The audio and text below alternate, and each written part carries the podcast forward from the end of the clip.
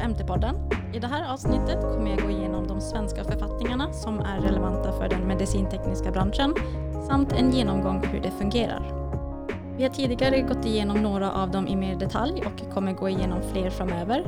Men eftersom vi har fått lite feedback med önskan om förtydligande hur regelverket förhåller sig till sig självt, då det kan vara väldigt tjorvigt att förstå, så gör jag ett sammanfattande introavsnitt här till er. Jag kommer att gå igenom strukturen i det svenska regelverket, lite definitioner av ord som kan vara bra att hålla koll på och jag kommer även att väva in några exempel på viktiga författningar under avsnittets gång. Innan vi börjar så kom ihåg att vi inte är jurister och informationen är som vanligt förenklad för att du ska kunna ta dig till allt annat som vi säger. Så om du hade lite svårt att förstå våra tidigare avsnitt som handlar om regulatoriska frågor så kan du alltid gå tillbaka till dem igen efter det här och kanske lära dig ännu mer. Innan vi går in på avsnittet så vill jag passa på att tacka Elin Karlberg på Läkemedelsverket för hjälp med den externa granskningen av detta avsnitt. Vad är då en författning? Författning är ett samlingsord för dokumenten som reglerar det svenska regelverket, det vill säga lagarna, förordningarna och föreskrifterna. Dessa tre är bindande, vilket innebär att man måste följa dem. Jag kommer snart gå in djupare på vad de olika författningarna innebär, vilka som får ge ut dem samt hur de förhåller sig till varandra i en hierarki. Förutom de tre bindande författningarna så finns det även icke-bindande allmänna råd och rekommendationer. Jag kommer nu gå igenom de olika sorternas författningar i en hierarkisk ordning från högst bindande till lägst bindande och det är i följande ordning. Lag, förordning, föreskrift och till sist allmänna råd och rekommendationer. Vi börjar som sagt med de svenska lagarna, vilket gäller över alla andra författningar, med undantag för EU-förordningarna som jag kommer in på lite senare. Sveriges lagar beslutas av riksdagen och ligger till grund för de resterande delarna i lagstiftningen, det vill säga förordningar och föreskrifter. Inom lagarna finns det även där en hierarki som ni kanske kommer ihåg från skolan, men vi tar en kort genomgång för tydlighetens skull. Vi har grundlagar och övriga lagar som bygger på grundlagarna. Grundlagarna är regeringsformen, successionsordningen, tryckfrihetsförordningen och yttrandefrihetsgrundlagen. Dessa fyra grundlagar står över alla andra lagar. Man får därmed inte skapa en övrig lag som strider mot någon av dessa grundlagar. En förordning beslutas av regeringen.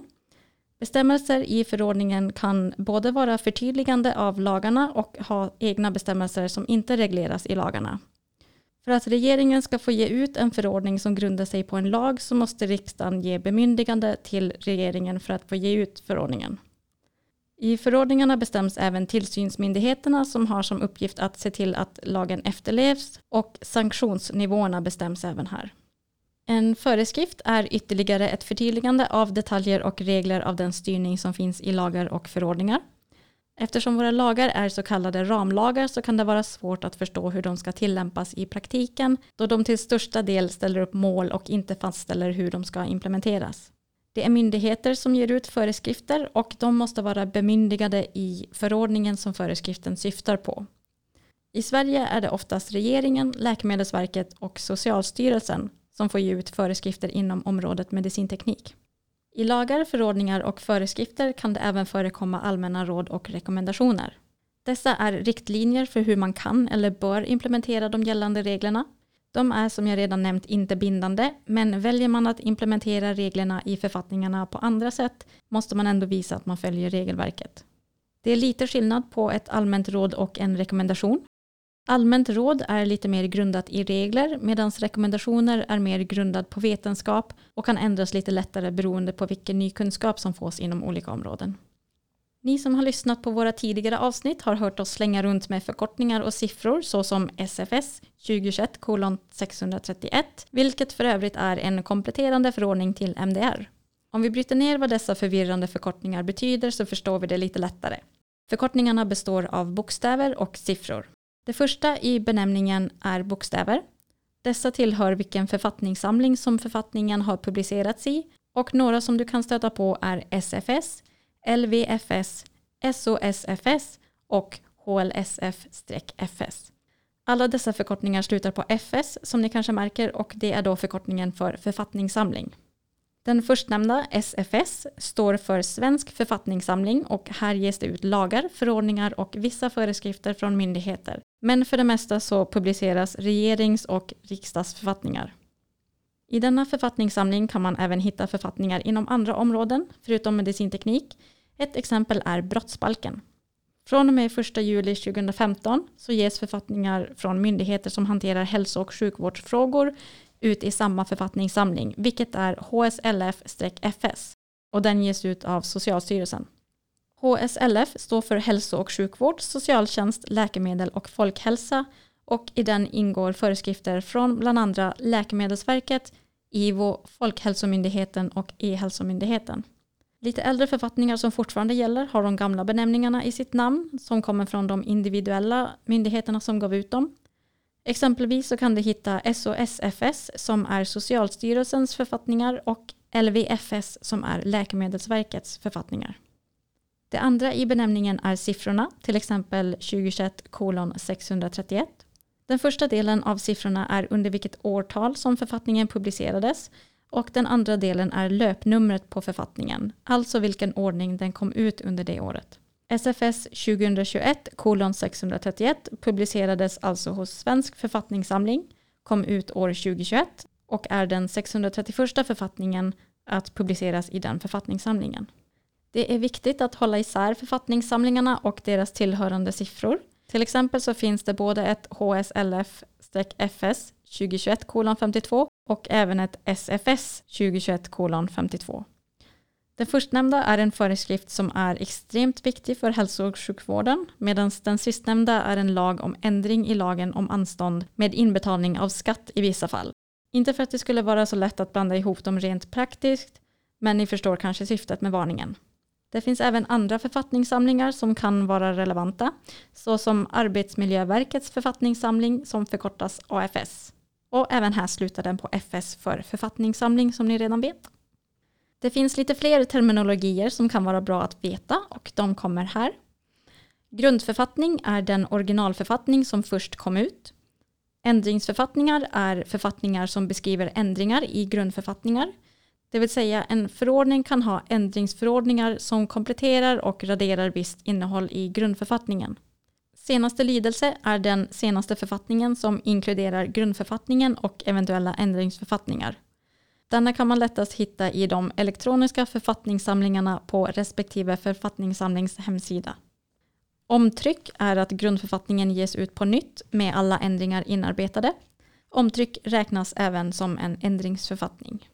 Konsoliderad version är ett dokument med syfte att förenkla för läsaren att läsa grundförfattningen med alla ändringar när det inte sker ett omtryck av grundförfattningen. Den tas endast fram i informationssyfte och ska alltid kontrolleras mot originalförfattningarna och ändringsförfattningarna eftersom den inte är juridiskt bindande.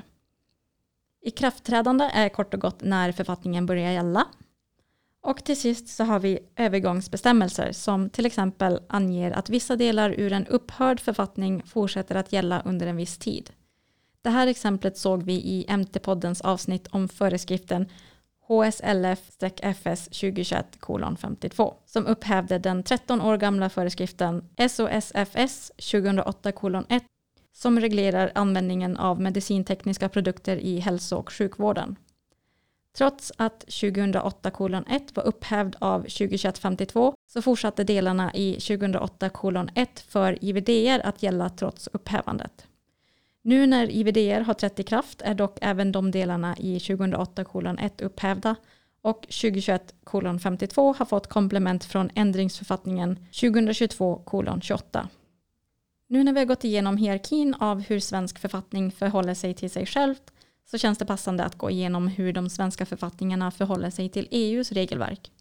Det svenska regelverket måste följa EUs regelverk. EUs regelverk gäller över svensk författning och om svenska regler skrivs som bryter mot EUs regler så gäller inte de svenska reglerna helt enkelt. I och med hierarkin jag nyss ställde upp gällande svenska författningar så kan det vara värt att nämna att EUs förordningar, vilka står över den svenska lagen, implementeras automatiskt i det svenska regelverket. Det som står i EUs regelverk får heller inte dubbelregleras i det svenska regelverket. Och för att förtydliga så är det alltså stor skillnad på en EU-förordning och nationella förordningar. Ett exempel på en EU-förordning är ju som ni redan vet vår kära nyimplementerade MDR. Om just MDR har vi även en miniserie på över 97 minuter uppdelade i 10 kortare avsnitt. Så gå in och lyssna på den om du inte redan har gjort det. Och har du redan gjort det så lyssna gärna igen för chansen är stor att du lär dig något nytt varje gång du lyssnar. Nu passar det bra att gå igenom ett praktiskt exempel på hur denna hierarki ser ut i vår bransch.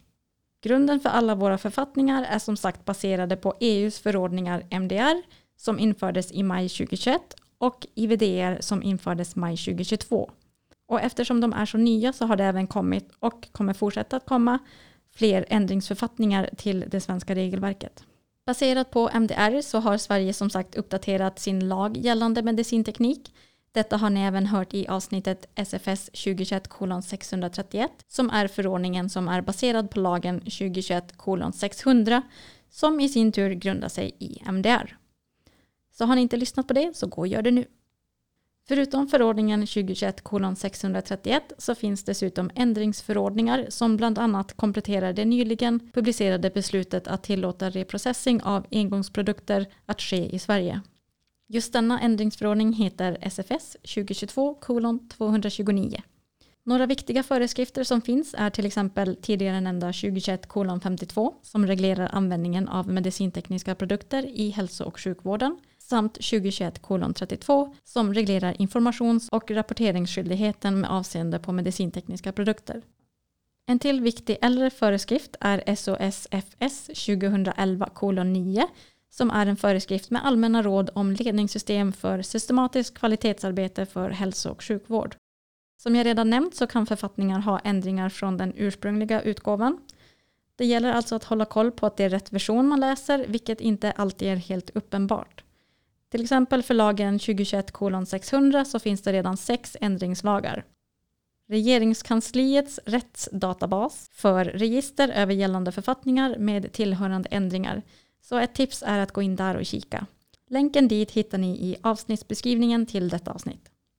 Det finns såklart en massa fler författningar som är bra att hålla koll på, till exempel författningar som reglerar hälso och sjukvården i områden såsom hygien, strålsäkerhet och anestesigaser samt för patienter som patientsäkerhetslagen och patientdatalagen. Och som tidigare nämnts så regleras mycket av detta i Socialstyrelsens författningssamling HSLF-FS. Du har lyssnat på MT-poddens introduktion till svenska författningar för medicinteknik. Kom ihåg att vi inte är jurister och som vanligt om du har frågor eller synpunkter hör gärna av dig på nyfiken.mtpodden.se. MT-podden görs som vanligt i samarbete med Lars Karlsson och Svensk Medicinteknisk Förening. Vi hörs i nästa avsnitt.